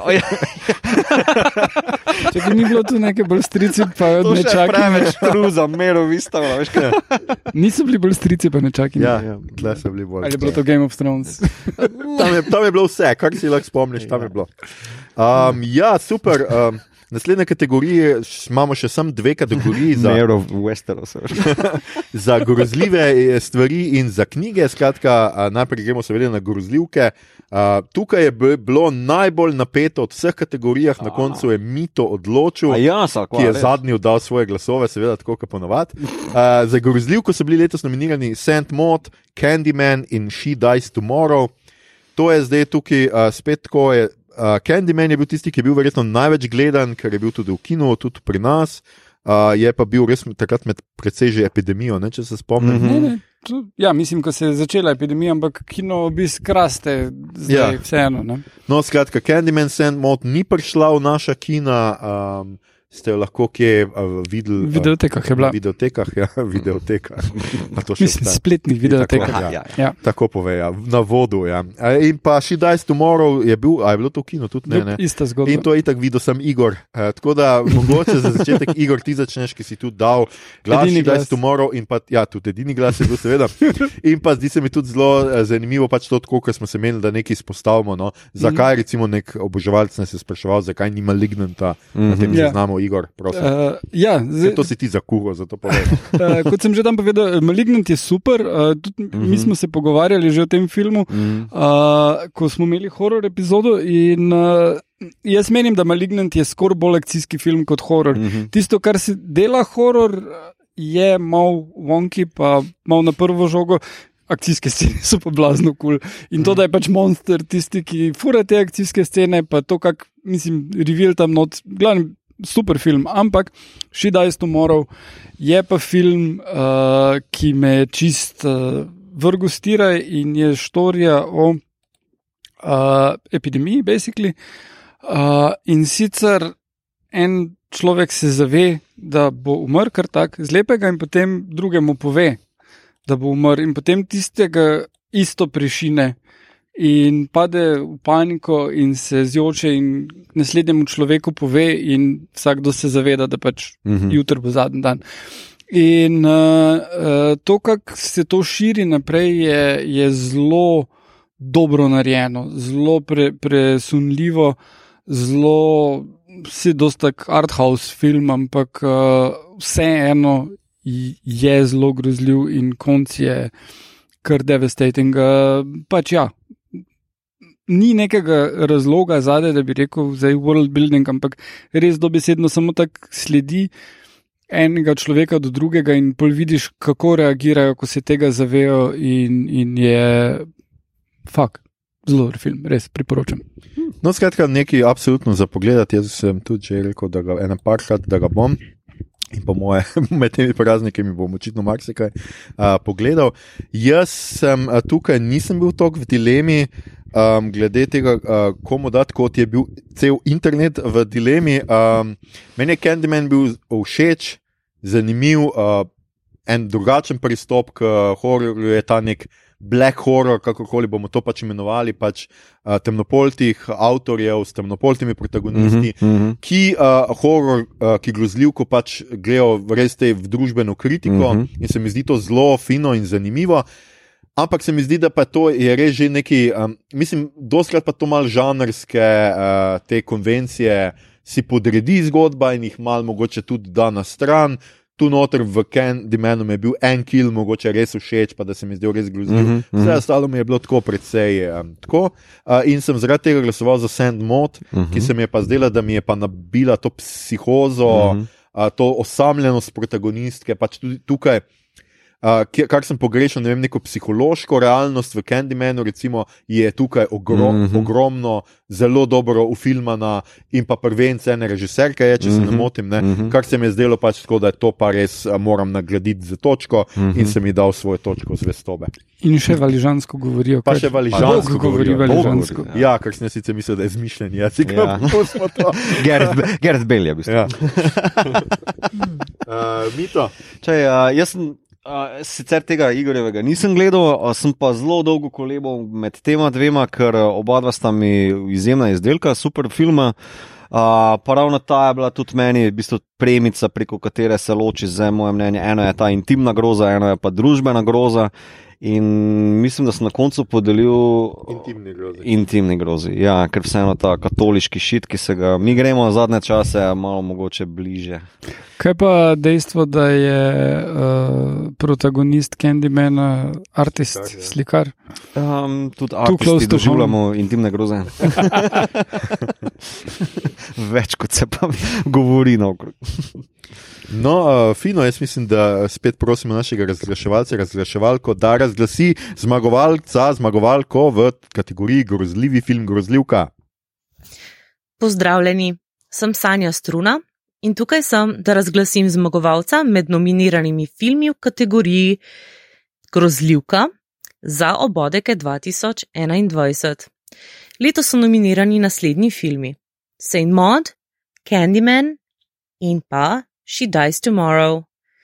In zmagovalec je, prosim za drumroll oziroma za strašen krik, Saint Maud. Sand Mod za eno točko je na koncu Sand Mod uh. zmagala, je pa Candyman bil zmagovalec na internetih, kjer je sicer eh, Facebook bil za Sand Mod, ampak je bil Twitter bolj za Candymana. Uh, tako da smo tukaj mogoče, zdaj mislim, da to bi sploh eden prvih. Uh, ki je, gre proti temu, kar so ljudje glasovali. No? Ja, poleg jezdecev pravice je to druga uh, stvar, ker so, ker so ljudje drugače razglasili. In smo pri grozljivi seriji, ker sem jaz bil pa v, mislim, da v največji dilemi, ravno pri grozljivkah, letos sem bil nasploh v največji dilemi, tukaj tudi. Uh, Hellbounda nisem gledal, uh, ker Igor ga zelo priporoča, ga bom pogledal. Mm -hmm. Ampak se mi nekam zdaj pač ne mudi še z eno novo serijo. Uh, med Squid Gameom in Midnight Mass, meni je bil Squid Games blazno všeč. Mm -hmm. Zelo mi je bil všeč premisa, vse kako so pač nov twist dali vsemu skupaj, sem mi bil Midnight Mass boljši. Zdelo se mi je, da ene teme, ki jih odpira, so eh, tu pa res popolnoma nekaj novega, kako poveže krščanstvo in vampirizem. Mm -hmm. uh, vse to se mi je zdelo skratka precej boljše. No? Mm -hmm. In pa tudi tako kar sem mogoče v prejšnjih dveh njegovih serijah, Flanaganovih, malo zameril, pač te neke romantične, bolj sentimentalne note, je tu imel zelo, dosti bolj pod kontrolo uh -huh. in se mi je zdelo zaradi tega. In jaz sem pač glasoval za Midnight Mass, ker se mi je zdelo, da pa res, ker sem začel to gledati, sem pričakoval nekaj popolnoma drugega, kar sem dobil. In pol, ne samo, da me je tisto totalno presenetilo, ampak mi je bilo blazno vše, všeč proti vsem mojim nekim mm -hmm. notranjim instinktom, mm -hmm. kako bi temu rekel, ker sem že hotel malo hejtati flenega. No? da, uh, jaz moram reči, da zaradi tega sem mu pač mogel dati točko. Mm -hmm. ja, jaz tudi uh, Midnight Mass. Um, Uh, zelo podobnih razlogov kot ti, ampak jaz bi tukaj na tale gomila še vrgu, um, predvsem konflikt preko dialogov. Torej, uh, tega glavnega lika, pa duhovnika. Um, ja. Predvsem, kako je bilo to narejeno, kako kvalitetno zastavljeno, pa uh, nivo in kvaliteta pisanja, ki je bila tukaj noter uh, uporabljena, pa izvedena, vsaka čast. Uh, pri Squid Gameu pa cenim predvsem ta uh, malo weird efekt, ki ga lahko zmore podeliti. Uh, ma pa če kontrastiram zdaj med njima dvema, malo bolj tale nekšen uh, apel na vojerstvo nasilja, ne? kar je mogoče enim kul, cool, druge odbija, meni je bilo sicer to privlačno. Uh, mislim, privlačno v tem taratinovskem smislu, da se tako izrazim. Um, vseeno super kvalitetna zadeva, ne pa toliko horor. Ne, če že grem zelo klasično, nekako žanrsko. Ja, je bolj po žanrsko, bolj mučilka, nekaj ja, tako pač ta torček porno. Mislim, vse to je še vedno horor. Ja, ne, sej, sej, ja. sej je. Sej je horor, sem pač. Uh, Mislim, to je bolj, uh, je vendar neka razlika, to je bolj slabo ti je to gledati, uh Mhm. -huh. mene pa to ne prestraši, pač ni mi to, a veš, ni, mi, ni isti feeling to uh -huh. meni. Uh -huh. Ja, a veš, strah pa mučnina ob gledanju. Nisem to, ne? Je, je še cel ta kapitalizem scena. No, to ne? me straši bolj zunaj kot znotraj serije. Ja. Se glih to, spomnite na neplačene račune. in buki, ki si jim dolžni in si jim Pa dobro, tisti buki, slovenski buki, Igor, niso isto kot korejski, gled, niso isto. Ne, še. Mogoče, če preveč gledaš, upam, da ne gledaš preveč uh, Squid Game, uroš. Uh, uh, gremo dalje. uh, skratka, ampak ti, kar, uh, Igor, ti pa si bil bolj za Hellbound. Ne, uh, ja, spet se mi je zdelo, kdo bo pa drug to glasoval. Dve korejski seriji imamo Točke na seznamu. Ne, Igorja. uh, ne uh, mene je res. Uh, uh, Ni me prestrašilo, ampak me je podobno kot Midnight Mass me na podoben način presenetilo. Uh, Squid Game me pravzaprav ni, ker ti točno že trailer mm -hmm. pove, v čem bo fora in ko začne. Tam presenetilo me je, da jih nazaj pošljajo, mm -hmm. pa pologotoviš, a ja, valjda, it makes sense. Mm -hmm.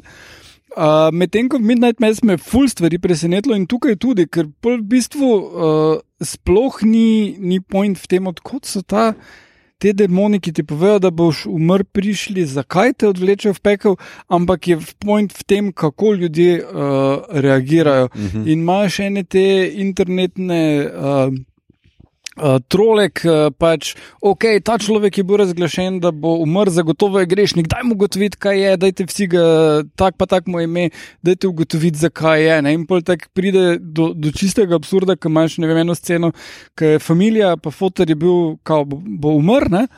Uh, in, in joče je cela družina, in ma, mala hčerka reče: Ja, a ti je uporabil službeno kreditno kartico, zato da si je kupil sendvič, res je zloben človek in si zaslužil umreti. In si tak, ne. Prav čist kam tole psihozo odpelje, Mhm. je, je kar uh, fenomenalno. Standardi LMŠ-jeve vladavine. Uh, plus, uh, bil sem čist presenečen uh, nad enim dejstvom, da sem videl zdaj kar dost korejskih stvari ne, in v vseh korejskih zadevah vsi vozijo Hyundai. Uh, Tako imajo še Kijo, ki je tudi veliko korejsko podjetje in v tej seriji glavna junakinja vozi Kijo. Ja, mogoče so pa končno. malo sponzorja več. Ja. Ja. Končno so vrgli ta cash, da so Ja. v, v serijah. V Sweet Kia mani. Ja. uh, skratka, fino tle je bilo kar nekaj dilem, in zdaj nam jih bo razpršil uh, razglaševalec oziroma razglaševalka. Pozdravljeni. Ime mi je Roman Vučank in oglašam se, da razglasim zmagovalca med nominiranimi serijami v kategoriji Grozljiva serija za obodeke 2021. Pandemija nam že drugo leto zapored pomaga spoznavati razsežnosti Sartrovega dovtipa, da so pekel morda res drugi ljudje. In se tako resnična grozljivost vse pogosteje znajde na jedilniku vsak dan. Obenem pa to pomeni dobro novico za žanrske sladokusce, saj se je moral žanr grozljivih serij potruditi, da bi lahko izbrane specialitete izstopale in zadovoljile občutek za okus. Letos so nominirane naslednje serije: Midnight Mass, ki temelji na kombinaciji klasičnih sestavin, pa vendar z dovolj inovativnosti, da se gledalci zapomnijo, kako na družabnih srečanjih pijemo in jemo od zares preverjenih virov. Sledi Squid Game, ki se pričakujočim čutilom posveča z nepredvidljivo mešanico pacifiških proteinov iz globin pod visokim pritiskom. Tretja nominirana serija je Hellbound, kar je pri nekaterih omizjih oznaka za tiste, ki si na dovolj svojstven način interpretirajo poziv Spice Up Your Life. Za vse nominirane si čestitamo. Nastopil je trenutek, da izmed treh odličnih nominiranih umetnin razglasimo zmagovalno. Zmagovalka v kategoriji Grozljiva serija za obodeke 2021 je Squid Game.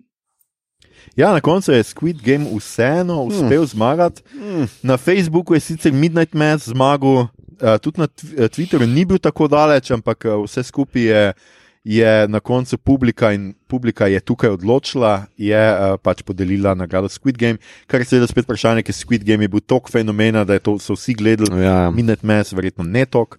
Je, mislim, Midnight Mass, eh, vseeno kot neko tako ultrakatoliško zadevo, se mi zdi, da te desni mediji niso dovolj resno vzeli te zadeve.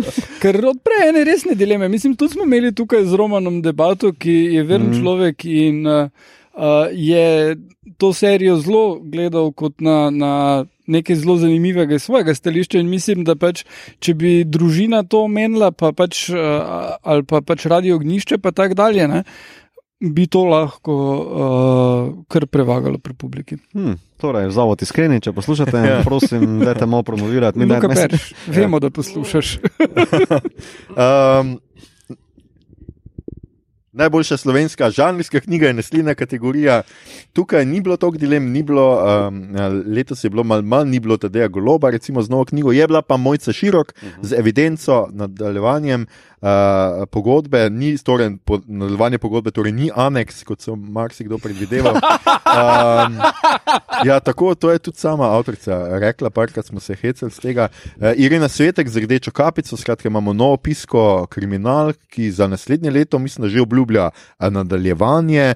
In pa nominirali smo še Jakoba Kondo s skrivnostjo srži, slovenskim, uh, slovensko fantazijsko knjigo, o kateri smo že govorili. Jaz sem tukaj priznal, da razen pol evidence, ki sem jo prebral, ene.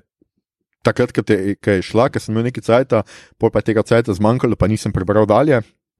In pa Jakoba Konde, Irene Svetek še nisem prebral Rdeče kapice, nekako se mi še zaenkrat ni mudilo, čeprav sem že nekaj modroval o njej, nekaj oddaji, ampak uh, uh, skratka nisem še uspel prebrati, tudi to upam, da bom enkrat, če ne prej februarja ali pa kdaj, ko grem na kakšen spet dopust, uh, ker zdaj le mi ne bo zneslo. In uh, jaz tukaj sem glasoval za Jakoba Kondo, ker se mi je zdelo Mhm. pač, da je fino, da fantazija tudi pride do, neke, do nekega. Pri nas da res niso samo kriminalke, no na zadnje, ker zdaj imamo res ta velik vrh teh kriminalk.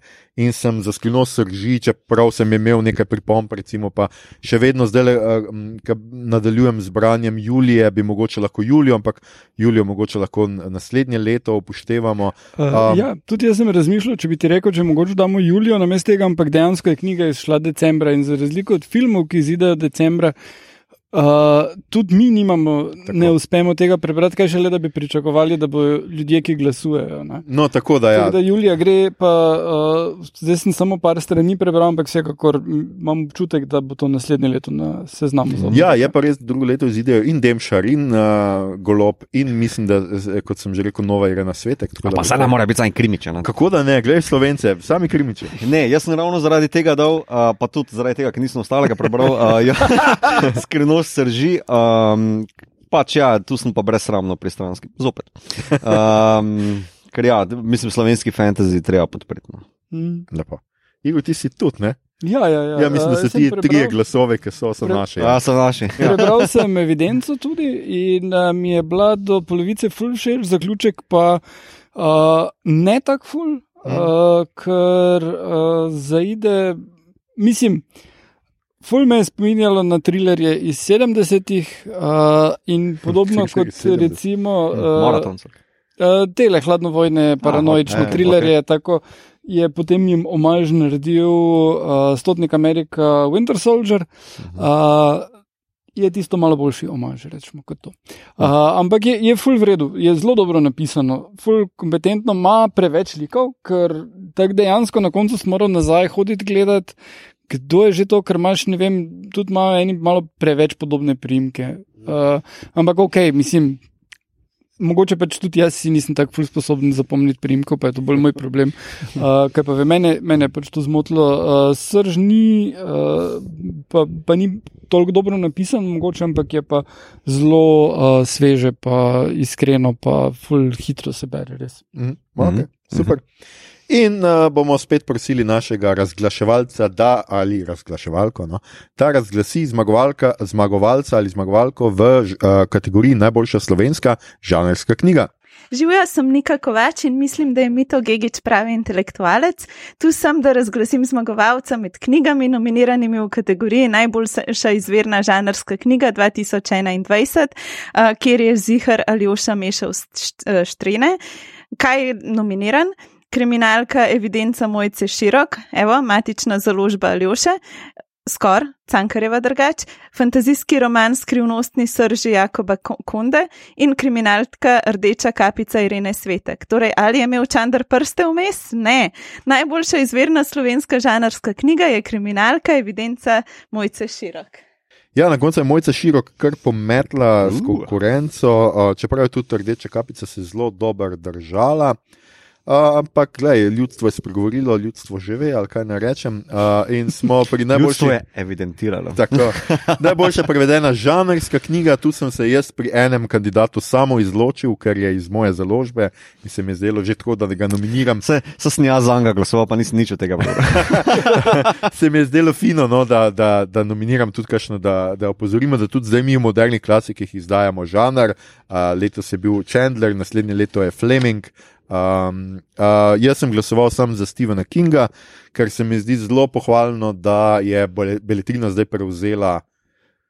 Po ne vem koliko letih, kar nismo imeli nobenega Kinga, uh Mhm. -huh. da imamo zdaj spet uh, prevode. Pa se tudi KMŠ Stephena ga, Kinga. da, Ja, da, o- založb, hiša knjiga. Ja, oni delajo, je- ampak oni delajo ta njegov fantasy, ta uh, stolpe.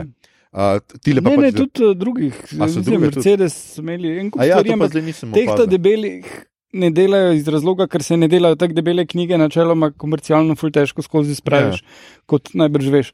Uh, Medtem ko, okej. uh, medtem ko Beletrina so se pač odločili, uh, da bojo to naredili, pa imajo tudi zelo vredu prevajalca. Pa cena, jaz moram reči, da za dva špeha cena, ja. je to res nekaj, kar si lahko mod privoščiš. Sta pa res Mhm. taka špeha, no, tle, Ja, ja. ta obstati ena in dve. In uh, pač pravi, da bojo nadaljevali, ne, da nadaljujejo. Obstati tri, bojo sami Kaj, Igor, zdaj ti bom pa nekaj vrgel glavo.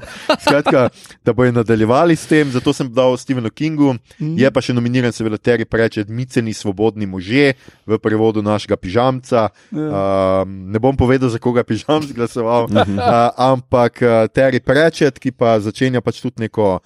Uh, Spet po dolgem času, tokrat pa res pač terja prečeta slovenščino. Žal, um, pre, prejšnja založba, ki ga je prevajala njegov Discworld, pač se to, tudi to se dogaja na, na plošči, ampak je samo v prvi, prvi del je prevedla, mislim, Maja Vidmar uh, in je pač odlična. Ne, Maja Novak. Maja Novak, ja. Maja, Novak, ja, in je pač odličen prevod, potem pa so menjali prevajalca in je obup.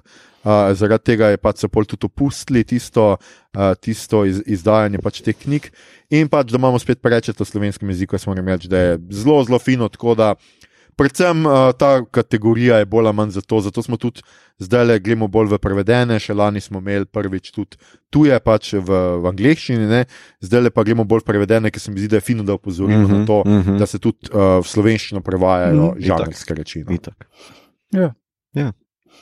In zmago je. A ja, gremo kar k zglasitvi. Živijo, še enkrat smo tukaj. Mojca Gorenc In Boštjan Gorenc, pižama iz podcasta danes praznuje. Vrnila so se kot les iz škotske posesti bogatega vojvode. Ali kot Batman iz leta 1992. Da razglasiva zmagovalca med nominiranimi knjigami v kategoriji Najboljša prevedena žanrska knjiga za obodeke 2021. Letos so nominirane naslednje knjige: Raymond Chandler, Veliki spanec Stephen King, Obstati. in Terry Pratchett, Miceni svobodni možje. A imaš še kakšnega favorita? Mam. O, jaz pa ne, meni pa čist kar bo bo. Dejva pogled.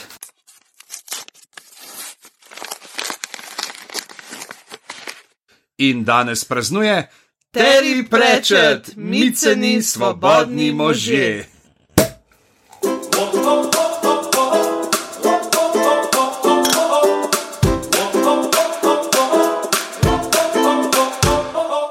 Edina knjiga od nominiranih, ki sem jo prevajal, tako da je ta podelitev resnično nepris. Um, dobila sva kuverto, prebrala sva, ampak mogoče pa to trenutek, da jaz se zahvalim. Uh, hvala Teriju, ker je napisal tako genialno knjigo. Uh, hvala Alenki Veler iz Mladinske knjige, ki je uh, na dolga, dolga leta fehtarina, da dajmo enega tega prečeta za mlajše v program naredila ta korak. Uh, Hvala vsem lektorici, uh, vsem, ki ste pomagali pri prevajanjih. To nagrado bi pa po svetu v spomin človeka, s katerim sva debatirala prevode prečeta pred uh, davnimi desetletji na Jokerjevem forumu, Aleksandr Kvatro Hropot. Hvala za vse ideje. Oh. Ja, na koncu je Terry Prečet, uh, zdaj ne vem, ali so to fani pižame ali fani Prečeta, ali pa je to najboljša kombinacija, ever in so vsi fani se zb- zbondali skupaj in pač uh, naredili to. Ampak ja, Terry Prečet, miceni svobodni možje, poiščite si jih, um, če ne prej pa mogoče na, uh, na meji na fes- na meji nevidnega, ko bodo v, na prodaji tamle. Um, Obodeki 2021 so podeljeni. Uh, jaz mislim, da smo fanfare, ne vem, tako, vse, vsi konfeti. zadovoljni. Producenti serij in filmov pričakujte, da dobite zlati kipec po pošti. Eh, Zdaj drugače pač ne moremo zaradi pandemije. Zlati like. tako, tako da Mito bo naredil obodeke. A, čekaj, kaj smo lani imeli? Imamo, vse imamo neko podobo. Ja, nekaj sem naredil. Ja. Skratka, uh, obodeke, ki je designed by Mito, v, v čistem zlatu, seveda, dobijo producenti. Uh, razen, za ne pristanem slovenske, razen za slovenske nam je zmanjkalo, tako da ti bi, ti bi realno lahko dobili, ne? ampak oni pa vsi vemo, da ne poslušajo. Da, okay. um, obodeki so skratka podeljeni. Um, jaz upam, da ste se zabavali tako kot mi. Predvsem pa, če česa od tega niste videli, jaz upam, da vam nismo preveč pokvarili in da boste pač pogledali zdaj. Jaz mislim, da je Um, novini, nominiranci so sami krem de la krem uh, sloven, uh, žanra uh, letošnjega in um, pač dajte kaj gledati. No? Mm -hmm. In brat. In brat, seveda. Za poslušati pa nismo mogli, bi še imeti najboljši album. Najboljši podcast. Je, A- je pa res, da v letu, ko izide Taylor Swift, ne moramo imeti najboljši album. Ja, pa Adele. Če ne bi podelili Taylor Swift, bi nas Swifti raztrgali. Je kaj pa Adele, je čakaj malo. Pa- Ni čakaj. Ad- Adeljev cel to. Pa Taylor Swift je ponovno izdala stari album, z nič novega naredila. Ja, ampak ponovno jih je zdala in so boljši. Igor To je res, so. ampak- Ja. A, daj, no. Pa Lana Del Rey je dala dve plati, ven, to nič ne šteje. Ne, King ne. Gizzard in Lizard Wizard so dali vsaj tri. V letu, ko je Taylor Swift dala, ven, nima drugi šans, tako da letos absolutno nismo mogli imeti tega. Dirhuf je dal dve plati. ven. Kdo? Ja, že to. Očitno bomo res rabili eno kategorijo. Ja. Uh, zdaj, kaj gledamo, beremo, špilamo, poslušamo, smo vmes govorili. Skratka, Hokaj se je zaključil za tiste, ki ste spremljali z mano. Veste, da se je zgodila ena stvar, da se je upedl- pe- upeljal en pomemben lik. Uh, pomemben lik, predvsem pa zadnjo epizodo razjezili vse fane uh, Šilda, ker se izkaže, da je eden od likov naj bi bila neka agentka Šilda, ki jo je v uh, seriji Agenti Shield igrala druga igralka. In zdaj so seveda vsi besni, ker to je seveda še en absoluten znak, da Shield ni del kanona. O, ne. In uh, ljudje niso zadovoljni, res. Jaz niso tudi ne. Uh, Kaj že, ja, kaj že to? ljudje in ljudi ne. To gleda, Torej, tudi Ghost Rider ni, ali bo zdaj Ne Nick Cage lahko spet Ghost Rider. Pojma nimam, kaj je, ampak ja, če bi to pomenilo, seveda pol Ghost Rider ni, ker Ghost Rider je v Shieldu, ne? Ja. Sam pojavi, Pol bo Nick svoje. Cage. Ampak so pa tudi tako, jaz moram reči, da tudi za te Netflixove serije so tudi tako mal. Ne morem glih reči, da sem navdušen nad pojavitvijo tega lika no, iz Netflixovih serij v, v tej seriji. No, skratka, gledajte, ljudje, ljudje ne. To je bila že naša 111. epizoda, same enice. Uh, poslušali ste podcast, ki se oglaša na ime Obot, podcast za serije, filme, risanke, špile in knjige vseh žanrov od F do Z, ki ga gosti mreža Apparatus. Z vami smo bili Mito, če te to rajca Gigič, Igor, fizika, v redu, harp in Aljoša, ne stojimo več, harlamo. to epizodo smo ah, posneli znova v našem skrivnem štabu v kinogledališču Bežgrad, ki se mu zahvaljujemo za gostoljublje. Pojdite do konca leta še kaj v kino ali pa konec leta preživite v kinu. Sam pa ste, da vas ne zaprejo kam noter, no, da ne bo to problem tega, da ste preživeli v kino. Če vam je bilo všeč, kar ste danes slišali, delite, všečkajte naš podcast, naročite se nam preko vaše najljubše aplikacije oziroma ponudnika podcastov. Dajte nam kakšno oceno na Apple Podcasts Ja, ali pa dajmo še dodati to Spotify, ne? tam nas imate. ali Ja, Spotify, bom ja, to kar dajte, v scenarij, ali v, na Spotify. Skratka, um, spremljate platformo aparatu z odličnim izborom podkastov za vsakega. In če niste zadovoljni s tem, katerim filmom in serijam so šli letošnji obodeki, hashtag obodeki so white, uh, poiščite kuli in papir, uh, ste. Čekaj, ni Candyman dobil. Še malo počakam, uh, vem, da tega danes nimam več toliko pri roki kot včasih, tako da lahko si jih zapišete tudi na telefon. To imate gotovo pri roki, no, ste, imate papir ali pa telefon pripravljen. Skratka, če niste zadovoljni s tem, katerim filmom in serijam so šli letošnji obodiki, nam lahko pišete na Briga nas 3, 2252 odjebovci s pripisom: Jaz sem mala snežinka, mala snežinka, ma, mamina in tatina. Skratka, a, podcast od bot, zmeraj odprt za kritiko. A, m, a na Twitterju nas najdete kot ad podcast od bot, na Facebooku in Instagramu kot podcast KM bot brez pikic. Tja delimo rajce, prikolce, novice sveta žanra in druge zanimivosti. In tja lahko Steve Black. usmerjate vse vprašanja, pripombe, komentarje, fotografije vašega notranjega ognjemeta, predloge, kaj bi za vas pogledali naslednjič. Tole je bila že 111. epizoda, podeljeni so bili letošnji obodeki, tradicionalni, že drugi obodeki. Mi pa se poslušamo spet 11. januarja, pozor, malo smo spremenili urnik, ko bomo govorili o drugi sezoni serije Veščec. In če so moje informacije pravilne z mladinske knjige, bo takšen tudi naslov uh, knjige, ki izhaja Yes! ven. Skratka, Veščec all the way. Um, to bo četrta epizoda meseca fantazije, ki ga bomo spektakularno zaključili 18. januarja, ko naj bi bila na sporedu epizoda o Koločasju, uh, ki je dobitnik letošnjega obodeka za fantazijsko serijo. Uh, epizodo pa bomo, če bo vse po sreči, jaz upam, da zdaj ti nove restrikcije niso tega pre, uh, preprečile, snemali 15. januarja na, v živo na konvenciji na meji nevidnega, to takrat in vedno Pa se čuvajte in ostanite zdravi, drage bodovke in bodovci, kdorkoli in kjerkoli že ste, srečno, zdravo in nagajivo v leto 2022. Nagajivo. Uh.